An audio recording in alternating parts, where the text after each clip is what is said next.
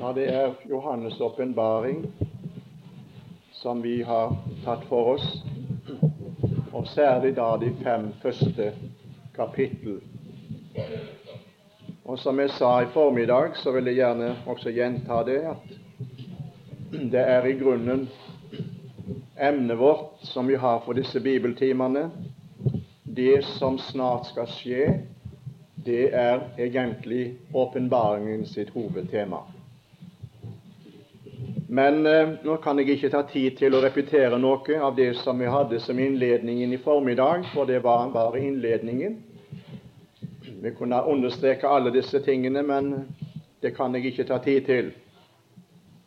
Jeg vil bare her få lov å nevne det, at åpenbaringen, og det er veldig viktig for meg å nevne, at åpenbaringen er ikke bare Bibelens siste bok, slik som vi har den i vår Bibel, men det er den siste profetiske bok som er gitt menneskene.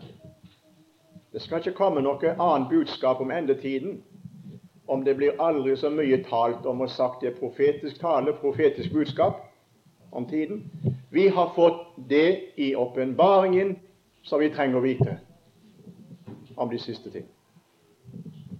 Og Jeg vil gjerne si det at derfor er det med frimodighet jeg personlig får lov til å lese og leve i dette og tale om dette, enda det er mange ting som kan være dunkelt når vi leser gjennom åpenbaringen.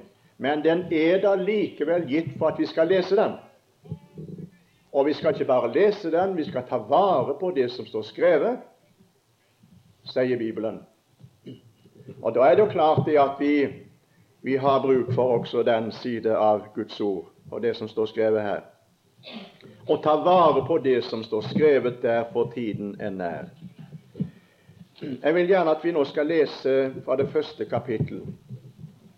Og vi skal lese der ifra vers 10.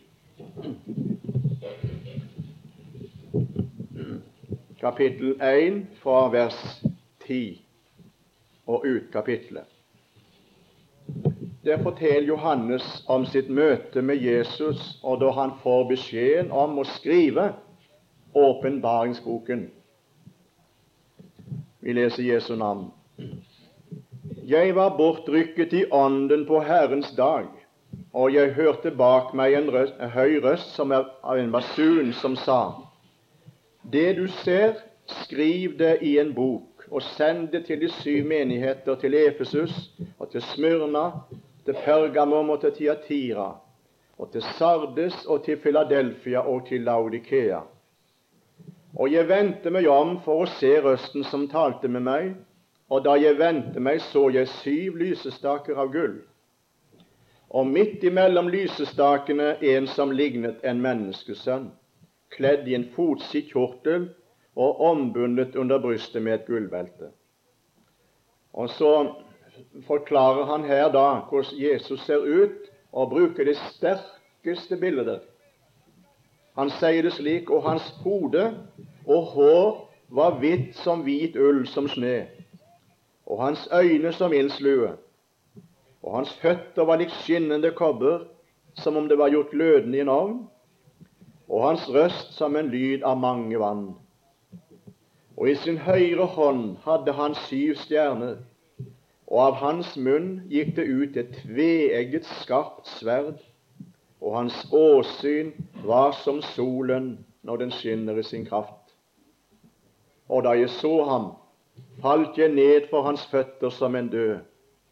Han la sin høyre hånd på meg og sa, Frykt ikke, jeg er den første og den siste og den levende. Og jeg var død, og se, jeg er levende i all evighet, og jeg har nøklene til døden og til dødsriket. Skriv da det du så, både det som er, og det som heretter skal skje. Hemmeligheten med de syv stjerner som du så i min høyre hånd, og de syv gullysestaker. De syv stjerner er engler for de syv menigheter, og de syv lysestaker er syv menigheter. Amen. Det første jeg gjerne vil understreke her, eh, det sa jeg i formiddag, nemlig at det er to hoveddeler i åpenbaringen. Og Nå skal vi si litt om den første. Og Det finner vi her i vers 19. Johannes skulle skrive det han så, både det som er, og det som heretter skal skje. Og Som jeg nevnte i formiddag, så er det, er det nemlig kapittel 2 og 3 eh, som taler om det som er, mens det fra kapittel 4 til 22.5 er hele det avsnittet der taler om det som heretter skal skje, like fram til den nye jord og den nye himmel. Nå skal vi si litt om det første delen her i denne bibeltimen i ettermiddag. Så får vi gå videre i morgen om Gud vil. Det som er. Og det som er, det er menighetenes tilstander. Det er disse menigheter som det står om her, og som han skriver til. Og jeg legger merke til vers 11, så legger du merke til at hele boka, åpenbaringsboka, skal sendes til disse menigheter. Ikke bare de budskapene som står i kapittel 2 og 3, som gjelder disse menigheter i Lillasia, skal vi komme inn på, men hele boka skal sendes. Derfor heter det 'skriv det ned i en bok', og send det til de syv menigheter. Det første jeg da vil understreke her i den forbindelse, det er det hvor Johannes var. Og Det er veldig interessant å legge merke til når han taler om den bortrykkelse i ånden som han først hadde. Har du lagt merke til det? Vi skal se på det nå. Vers 10. Der sier han det slik, for nå er han på Patmos. Jeg var bortrykket i ånden på Herrens dag, og jeg hørte bak meg en høy røst som en basun osv. som taler til ham. Og så ser han også Jesus der og hører røsten hans. Det er veldig viktig for meg å understreke nemlig at når det gjelder de ting som er, da er han bortrykket i ånden her på denne jord. Han er på Patmos. Og Derfor er det fint å stå Herrens dag. Det kan vel da bety eh, den første dag i uka. Jesu oppstandelsesdag, søndagen. Den første dag i uken er kalt for Herrens dag. Det kan også bety en spesiell dag da Herren griper inn og viser ham dette.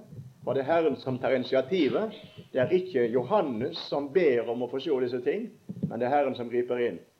Mange bibelfortolkere mener det at det betyr Herrens dag, den første dag i uka. Åpenbaringen taler også om den dagen, Jesu Kristi oppstandelsesdag. Men eh, det er underlig å legge merke til, og stort å legge merke til, at når Johannes får den andre åpenbaringen, eller bortrykkelsen i ånden, da er han ikke på Patmos i sin ånd da skjer det noe. Hvis du leser kapittel 4, det skal vi komme inn på, kanskje allerede i morgen. Da hender det noe med Johannes. Det er en åndens åpenbaring, en bortrykkelse i ånden også nå. Men nå foregår den fra himmelen. Nå ser han det ovenifra. Og Derfor heter det, vel gjerne understreke det allerede nå, vers 1 og vers 2 i kapittel 4. Deretter så jeg, og se det var en dør åpnet i himmelen, og den første røst altså Nå taler han om Jesu røst, som han fikk høre på Patmos, som kapittel 1 taler om. Som jeg hadde hørt liksom av en basun, som talte med meg og sa:" Stig opp her, og jeg vil vise deg det som skal skje heretter.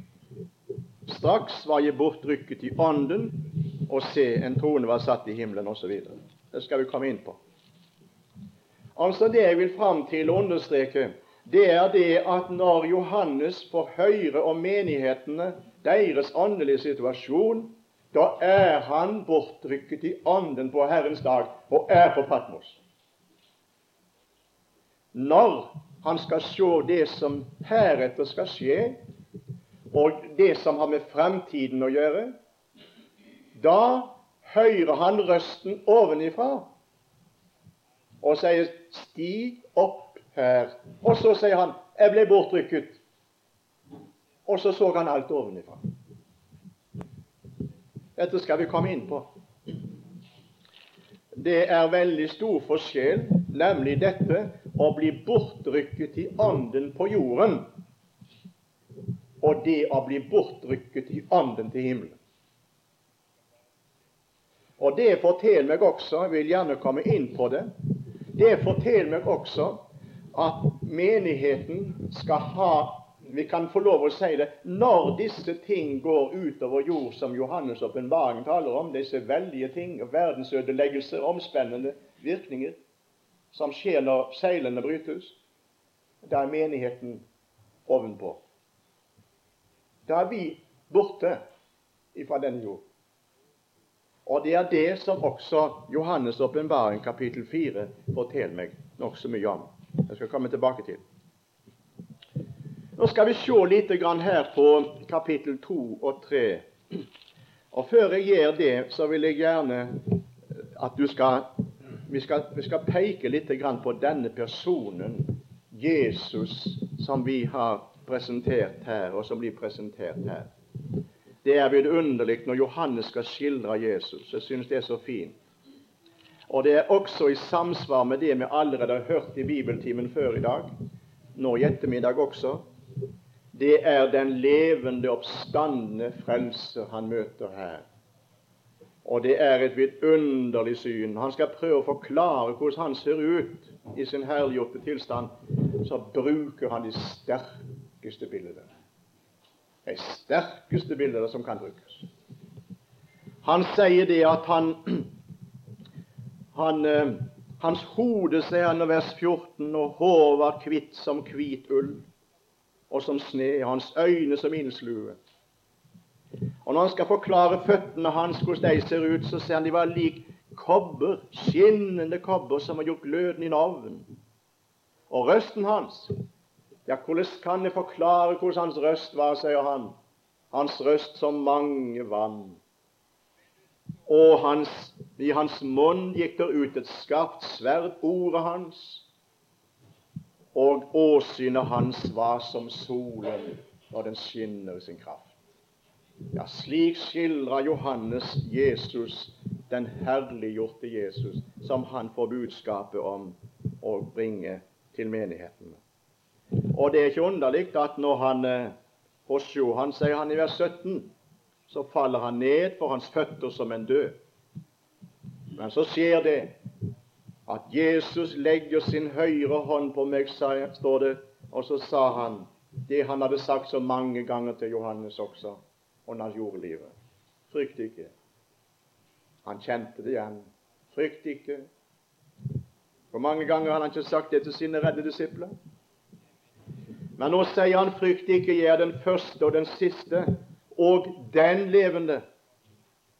Og husk, Johannes, jeg var død, men nå er jeg levende i all evighet. Og se her, Johannes, her er nøklene til døden og dødsriket. Jeg har tatt de fra, fra, fra dødens fyrste. Jeg har makten, og nøklene betyr makt. Og da, kjære venner, er det ingen som kan ta de nøklene fra han. For det står nemlig i Åpenbaringen 3, det skal vi også lese og komme inn på, der står det nemlig han lukker igjen, og ingen lukker opp. Eller han lukker opp, og ingen lukker igjen. Og han lukker igjen, og ingen lukker opp. Og det, Jeg vil gjerne si oss det allerede ved denne bibeltimen i dag. Det er ikke makten over verden ligger ikke verken i Washington eller Moskva eller Peking. Den ligger ikke hos noen av disse verdensherrene. Det er ingen av disse som kan løse ut noe i denne verden. Makten ligger hos Han som har overvunnet døden, som vi hørte så fint om, og ført til liv og uforgjengelighet framfor lyset ved evangeliet. Han som det står om her, var død men er blitt levende igjen. Han er det som har nøklene. Han er det som har makten. Og Derfor venner, er det ingenting som skjer uten at Jesus er den som, som gir tillatelse til det. For, kan jeg få lov å si det? det er han, Når han bryter seilene, da skjer det. skal vi komme inn på. Men eh, nå skal vi se litt på disse menighetene her. og Jeg vil gjerne ta litt tid med det, ikke altfor lenge. For det andre, da, for å holde oss i disposisjonen her De syv menigheter som Johannes også skal skrive til, og som er innunder det som er, og hører til den første hoveddelen, det er syv geografiske menigheter. Det er det første vi må nevne. Og Der finner du i kapittel 2 og kapittel 3 i åpenbaringen. Syv geografiske menigheter. Men la meg få lov å si det at personlig tror jeg det at det var flere, og er overbevist også om at det var flere enn sju. Hvorfor det står sju menigheter i Lille-Asia? Det kunne være ti. Men saken er nemlig den at her tror jeg personlig at det har noe med et symbolsk tall å gjøre. Sju menigheter, sjutallet, det er Guds tall i tiden. Det er Guds tall i tiden. Guds fullkomne tall, kan vi si, i tiden. Derfor møter vi ofte det i Bibelen vår. Sjutallet i tiden. Forbindelse med tiden. Her på denne jord. Mens tolvtallet, det er Guds tall i evigheten. Det er tolvtallet, det er evighetens fullkomne tall. Tolv porter, tolv stjerner og tolv navn. Og vi har jo i åpenbaringen flere disse tolvtallene. Det skal vi også komme litt inn på senere. Når Johannes blir bortrykket i ånden på Herrens dag, så får han høre budskaper til menigheten i Lilleasia. Men han får ikke se dem. Han får ikke se budskapene, han får ikke se folket. Han får ikke se menigheten, han får høre menighetens tilstand. Det får han høre. Men han får se de sju lysestakene. Altså sju menigheter symbolisert i sju lysestaker, sier han. Og jeg synes det er så vidunderlig når det står at Jesus han går midt iblant disse sju. Han er iblant dem. Han ser han midt mellom lysestakene, og han ser han slik som vi har skildret han i kapittel 1. Midt imellom lysestakene en som lignet en menneskesønn. Når vi skal stanse her ved dette nå, vil jeg gjerne få si det slik De sju menigheter i Lilleasia, de hver for seg, alle sju, taler om tilstander. Og nå vil jeg ikke si tilstandene, og det er ikke riktig generelt å si. Men de taler om tilstander som kan komme og være i Jesu Kristi menighet på jord, like fra pinsedag og like til båtrykkelsen. Og Dette skal vi understreke for hverandre, for det er, det er veldig alvorlig. Personlig vil jeg si det, at det er veldig alvorlig at disse menigheter som det blir tale om her i kapittel 2 og 3, de tilstander som er innenfor disse menigheter, kan det være innenfor, og vil det være, har det vært, innenfor menigheten ifra Jesu Kristi, ifra starten av, ifra pinsedag, da, da, vi kan si at menigheten var, var samla, eller begynt, og like til i dag. Dette skal vi understreke. Og Allikevel ja, vil jeg gjerne også si det her at det er åndelige tilstander som fremdeles synes å være iblant uh, Guds folk på jord. Jesus har en stilling innenfor disse menighetene, og jeg synes det er veldig fint, og deres ledere. Der står Johannes ser menighetene som en lysestake, og lederne for menigheten ser han som sju stjerner som Jesus holder i sin naglemerke hånd. Lederne for menighetene har han i sin hånd. Og dette er vidunderlig endog budskapet til disse menigheter ikke, ikke er slik. Vi kan si det. Det er ikke alt så oppmuntrende. Men likevel, venner, likevel, på tross av den stillingen som er innenfor hos den enkelte av disse menigheter, så er Jesus midt iblant dem. Og det som er enda større, det er det at menighetens ledere, som symboliseres i engler for menigheten, eller stjernene, har Jesus i sin høyre hånd.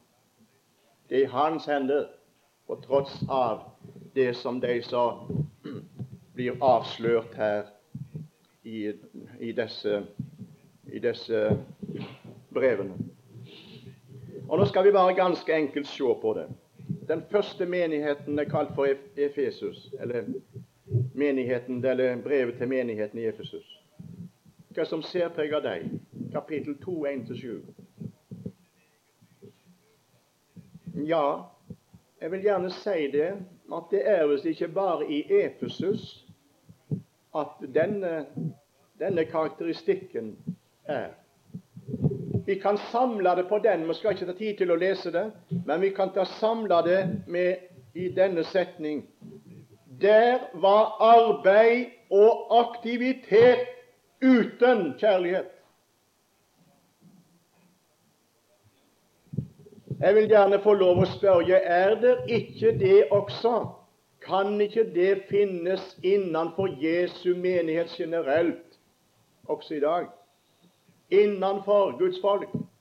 Arbeid og aktivitet uten kjærlighet. Og Derfor kunne Jesus tale til deg, og så sier han det slik Vi kan bare ta med det verset der, i kapittel 2. Jeg vet om dine gjerninger og ditt arbeid og ditt tålmod osv. At du ikke kan tåle det vonde. Du har prøvd dem som sier de apostler ikke er. Du har funnet at de er løgnere. Og du har tålmod og hatt meget å bære for mitt navns skyld, og du ikke blitt rett. Men jeg har imot deg at du har forlatt din første kjærlighet. Altså, kjærligheten, den var borte. Arbeidet var der. Aktiviteten var der. Men sjølve, kan vi få lov å si det slik, sjølve grunnen, eller vi kan si kraften, som er kjærligheten, den var borte. Videre kan vi gå til den andre menigheten, som er menigheten i Smyrna, kapittel 2, 8-11. Ja, finner vi den, finner vi det i vår tid innenfor Jesu Kristi menighet på jord? Finner vi Smyrna-tilstanden? Ja visst gjør vi det. Smyrna, Ordet smyrna det betyr bitter, men det kan også bety myrra. Begge deler. Og Hva som særpreger denne menigheten, det er det at de er fattige i seg sjøl og i trengsel. Men budskapet lyder så vidunderlig Men du er rik. Og her blir faktisk talt budskapet brakt til denne menighet som er i trengsel ifra Jesus sjøl. Han sier det slik Du, du er fattig, men likevel rik. I Smyrna-menighetens tid var det nemlig en stor forfølgelse. Og det er denne forfølgelsen nemlig som det tales om her. Vi kan si det at fra aposteltiden og fram til år 313 etter Kristus var det en stor forfølgelse. Og her var Smyrna-menigheten inni. Jeg vet om din trengsel og din fattigdom, men du er rik. Og så heter det da også i vers 10.: Frykt ikke for det du skal lide. Se, djevelen skal kaste noen av eder i fengsel for at de skal prøves. Vi skal ha trengsel i ti dager. Vær tro inntil døden, så skal jeg lide livsens krone. Ja, Smyrna-menigheten og Smyrna-forsamlingens trengsel, den er visst ikke ukjent for menigheter også i dag, og for Guds folk. Kan bare få lov å si det her. Mens vi samles her nå på Lyngmo, stille og fredelig og rolig, uten å ha vanskeligheter på noen måte er det hundrer og tusener, hundretusener av mennesker som lider for sin tro på Jesus. De sier det jo rett ut, mange, og, det har vi hørt. Det som har kjennskap til det. Jeg har ikke undersøkt det. Men de sier det at keiser Neros forfølgelse av de kristne bleikna imot kristenforfølgelsen bak jernteppe og bambusteppe i de katolske land. Så alvorlig er det. Mange må la livet for Jesus skyld i dag. Så Smyrna-tilstanden, sannelig, den er visst der. Og så kommer vi til den tredje, og det er menigheten i Pergamon. Jeg vil gjerne få lov å spørre altså, Dette er ikke generelt, det gjelder ikke alle, men tilstander innenfor den menigheten. Innan Guds folk. Slik kan det være, slik kan det bli. Og hva er det som særpreger deg? Rett bekjennelse, men falskhet i lære og liv. Ja, slik rett bekjennelse, men falskhet i lære og liv. Og Jeg synes det er veldig alvorlig å tenke på, for det, det som foregikk i, i Pergamon-menigheten, det var nemlig det at det var en allianse mellom Guds folk og verden. Og Vil du nå lese for deg sjøl Fjerde Mosebok, kapittel 22 til kapittel 25, så står det noe. Og dette, var, dette florerte innenfor menigheten i Pergamon. Nemlig at det var noen der Hvis du slår opp kapittel 2 vers 12-17, så ser du menigheten i Pergamon bli talt om her. Nemlig noen i vers 14 som holdt fast Det står ikke alle gjorde det. Men noen som holdt fast ved Biliams lære. Han som lærte Balak å legge anstøt for Israels barn og ete avgudsoffer og drive hor. Dette sier Jesus til menighetsforstanderen i Pergamum, at innenfor dine, om, ditt område er det noen som holder fast ved Biliams lære.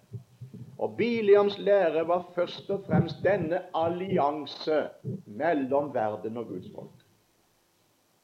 Nikolaiternes lære heter det også en plass. Og Jeg vil gjerne si det. Det er alltid nederlag. Det vil jeg gjerne understreke. En allianse mellom Guds folk og verden fører alltid til nederlag for Guds folk. Det er alltid vist seg det. Og Derfor er det alvorlig å rope ut i dag.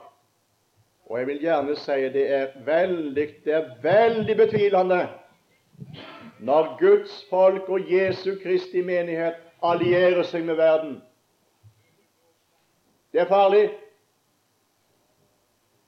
Og her står vi faktisk talt i fare, også i vår tid, nemlig det at en blir så lik verden. Og jeg tror det, venner, at når Guds folk blir versliggjort, det er Satans viktigste og alvorligste våpen. Så kommer vi til menigheten i Sardes. Hva som ser deg i kapittel 3, 1-6. Jeg kan ikke stanse så mye ved hver, for vi skal videre. Men her har du menigheten i Sardes, og det synes jeg er veldig, og menighetsforstanderen i Sardes, som får budskapet. Innenfor deres rekkevidde er det noen som er kristen i navnet, bare i navnet, men er åndelig død. Du har navn av at du lever. Slik heter det menighetsforstanderen. Du har navn av at du lever, men du er død. Ja, navnkristendom, det har det vel alltid vært. Og det kan nå være i dag også innenfor Jesu menighet på jord mennesker som bare har navnet av at de er kristne. Jeg vil gjerne spørre deg som er her, du har vel noe mer enn bare navnet? Du har vel livet? Navnet Det er greit at vi kjenner oss til Kristus og bekjenner oss som kristne, men det må være livet som står bak. Så kommer vi til det videre, den sjette menigheten her, Filadelfia-menigheten. Og Jeg skal godt få lov å si det at jeg tror nok det at denne tilstanden som menigheten i Philadelphia er i, eller en del av menigheten om du vil, at den er også aktuell. det er sant og rett kristenliv, men svakt. Svakt. Legg merke til det. Legg merke til vers 8. Jeg vet om dine gjerninger, se Og nå kommer vi til noe som jeg synes det bryter med all grammatikalsk logikk og tanke. For dette sier ikke vi når vi, når vi, når vi skriver en norsk stil på skolen. Så skrev vi ikke at døra kom til mannen og sto åpen foran ham. Det sier vi ikke. Men her står det faktisk alt slik. Jeg vet om dine gjerninger. Se og se, det betyr vær oppmerksom. Jeg har satt foran deg en åpnet dør, og ingen kan lukke den til, for du har liten styrke.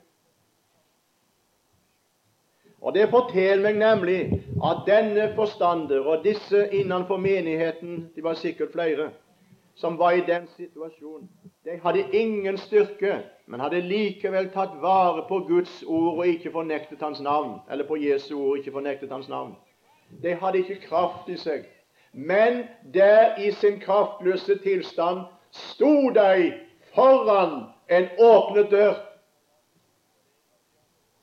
Og Derfor sier, på, sier Jesus til Johannes, skriv, se, jeg har satt foran deg en åpnet dør, for du har liten styrke. Nå må du gå inn. Nå må du gå inn, for innenfor er kraften. Og her vil jeg gjerne si det, for jeg skal komme tilbake til det i morgen. En åpnet dør taler jo også kapittel 4 om. Jeg vil gjerne si det at en dør i Bibels betydning har altså alltid i forbindelse med frelse. Se, jeg har satt foran deg en åpnet dør. En dør er en, et symbolsk uttrykk i Bibelen for frelse. Jeg er døren, sier Jesus i Johannes 10. Den som går inn gjennom meg, han blir frelst. Og han skal gå inn og gå ut og finne føde. Også Johannes åpenbaring 4 en åpnet dør i himmelen. Det er en frelsesdør for Guds frelste skare og for menigheten, som skal frelses inn i det himmelske riket. Og Nå vil jeg gjerne si det Jeg tror, venner, jeg, er, jeg må si det at jeg føler det på den åndelige puls, at det er mange innenfor våre rekker som er svake, men som allikevel står framfor ei åpna dør, men ikke har gått inn som kristne. De lever ikke i evangeliet. De lever ikke i forsoningen, slik som vi har hørt det her så herlig i disse bibeltimene. De er fornøyd med slik som de har det, om de er det, da. Og jeg vil gjerne si det, kjære venner, det er en vekst i nåde og kjennskap til Jesus. Der er det. Og det er kraft å få for de som går inn i evangeliet og lever der. Stadig få lov å leve i evangeliet. Derfor heter det Johan i 1. Korinter 1 og 18. Vi kjenner til det. Der står det slik, for ordet om korset er vel en dårskap for dem som går fortapt. Men for oss Legg nå merke til det. For oss som blir frelst. Vi er det, men vi skal bli det. Evig frelst, salig frelst, fullkommen frelst. For oss evangeliet, ordet om korset, en Guds kraft. Og Nå skulle jeg få lov å hilse deg her i dag at der du er i din kraftløse tilstand, slik som du kanskje føler det akkurat nå. Du har liten styrke. Du er Den åpne dør er foran deg, og det heter Se, jeg har satt foran deg en åpnet dør. Gå inn. På nytt igjen. Ta imot. La evangeliet få lov til å fylle ditt hjerte, og la det få lov å være kraften din. Det er det det ligger i det. Og så kommer vi til det siste. Den mest alvorlige, synes jeg. Det er Laudikea-tilstanden. Og jeg må gjerne spørre kan det finnes mulig at det innenfor Jesu Kristi menighet på jord kan finnes slike personer. Selvtilfreds uten Jesus. Tenk det. Jesus utenfor. Og Jeg synes det er alvorlig, venner, når det står her i Bibelen at Jesus sier det til menighetsforstanderen i, i Laudikea fordi du sier 'Jeg er rik og har overflod og fattes intet', og du vet ikke at du er ussel og ynkelig og blind og naken. Altså selvtilfreds i seg sjøl, rik nok i seg sjøl, overflod, mangler ingenting. Og så sier Jesus, ja, men du, du Jeg er utenfor det hele. For det er i meg du er rik. Det er i meg du har overflod. Og det er når du hører meg til at du ikke fattes noen ting. Men i deg sjøl har du ingenting. Og så heter det da så råder jeg deg at du kjøper av meg glød, gull glødet i ild for at du kan bli rik, osv. Se, jeg står for døren og banker, om noen hører min røst, åpner døren. Da vil jeg gå inn til han og holde natta med han og han med meg. Jeg vil gjerne tro det, venner, at det, disse tilstandene som vi finner i kapittel 2 og 3, de ting som er, det som er, og som Johannes får i oppdrag å skrive til disse og sende til disse menigheter i Lille-Asia, det er tilstander som kan være innenfor Jesu Kristi menighet på jord. Og Derfor, venner, er det at det blir tatt med også i åpenbaringen som et budskap fra Ånden ved Ånden til menighetene. Men nå skal jeg slutte. Jeg vil bare få nevne det her til slutt i dag at til alle disse menigheter og til oss, til oss som er samla her i dag, lyder også ordene 'Den som seirer'. Hvert eneste brev taler Jesus til, og så sier han til disse, og så sier han 'den som seier'. Og så gir han forskjellige løfter. Skulle vi ta tid til å lese forskjellige løfter, og vi har hørt en av disse også lest i bibeltimen av Bjerkrem her. Den som seirer, han skal gi en hvit stein, osv. Den som seirer, han skal bli kledd i hvite klær, og jeg skal ikke utslette hans navn av livsens bok, og jeg vil kjennes ved hans navn for min Fader og hans engler, osv. Den som seirer, vil gjøre til en støtte i min Guds tempel. Og så kommer det siste. Og det synes jeg jeg synes det fra Efesermenigheten, Efesusmenigheten og fram til Laudikea-menigheten er det en stigning. Har du lagt merke til det? Når Jesus taler til menighetene, så er det en stigning framover. Og når han kommer til menigheten her i uh, Tyatira, begynner han å tale om sin gjenkomst. Det er så underlig å legge merke til. Han sier det slik bare hold fast på det jeg har, inntil jeg kommer. Så kommer han til menigheten i Philadelphia og så sier han, 'Jeg kommer snart. Hold fast på det du har, på evangeliet, for at ingen skal ta din krone.' Og så kommer han til menigheten i Laudikea, som er det siste budskap til menigheten i Lillasia. Så sier han, 'Den som seirer' Og det er vidunderlig. som er inngangen til det neste avsnittet i åpenbaringen. Den som seirer, han vil jeg gi å sitte med meg på min trone, like som jeg har seiret og satt med min Fader på hans trone. Og så lyder det Den som har øre, han hører hva han sier til menigheten. Altså stigningen går framover til Jesu gjenkomst og til menigheten som sitter med Herren på hans trone, og som vi skal tale om i morgen. Jeg vil gjerne avslutte denne timen med å si at kapittel 3 og vers 22 er den siste gang i åpenbaringen at ordet menighet er nevnt. Der blir aldri brukt ordet menighet med. For i kapittel 4 og kapittel 5 ser vi menigheten, den frelste menighet, i himmelen. Derfor, venner, er budskapet til menighetene det som er inntil bortrykkelsen av Jesu Kristi frelste brudeskare og menighet. det er det som er her på denne jord.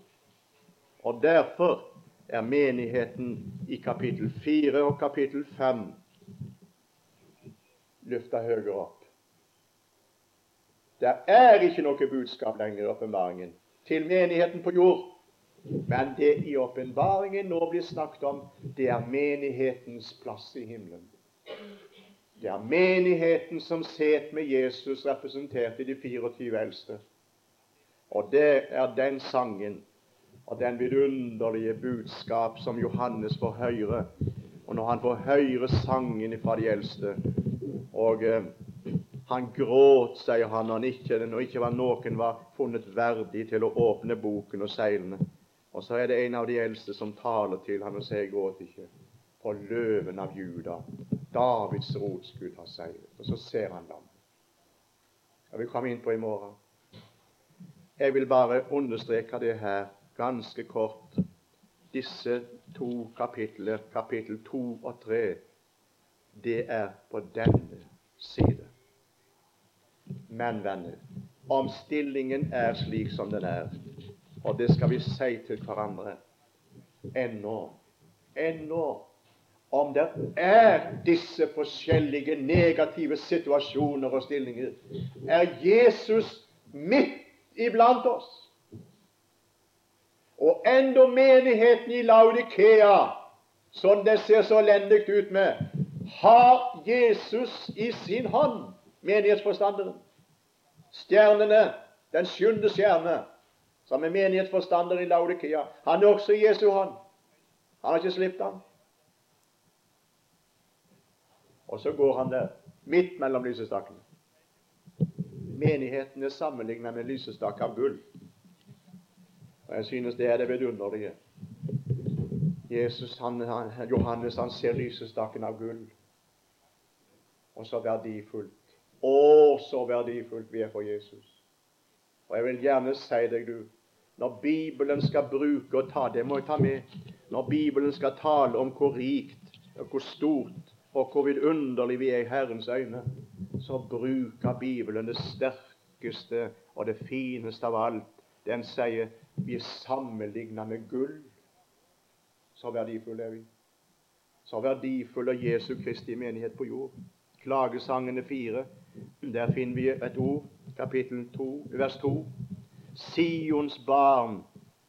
Det står det om Sions barn, men det er også Jesu Kristi menighet, det òg. De dyrebare, like i verd med det fineste gull. Og Peter han skriver i 1. Peters brev, kapittel 1.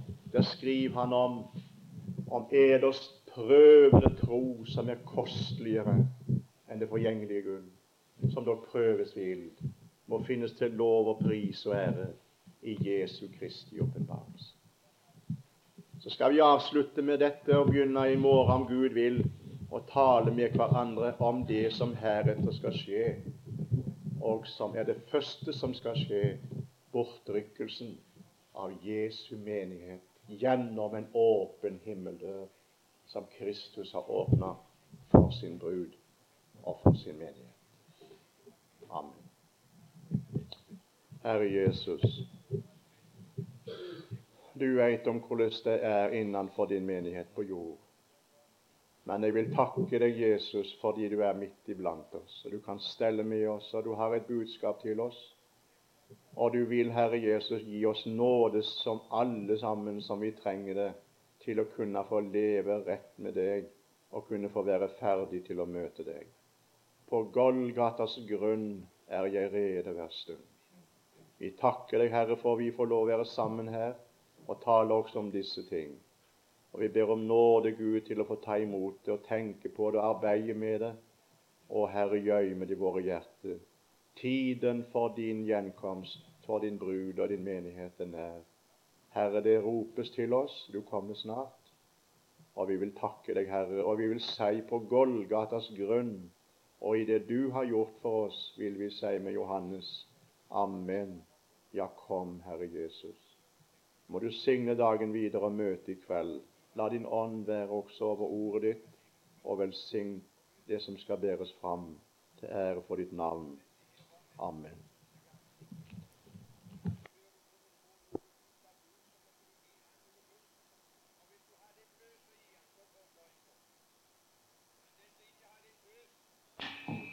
Først vi skal le, en be sammen.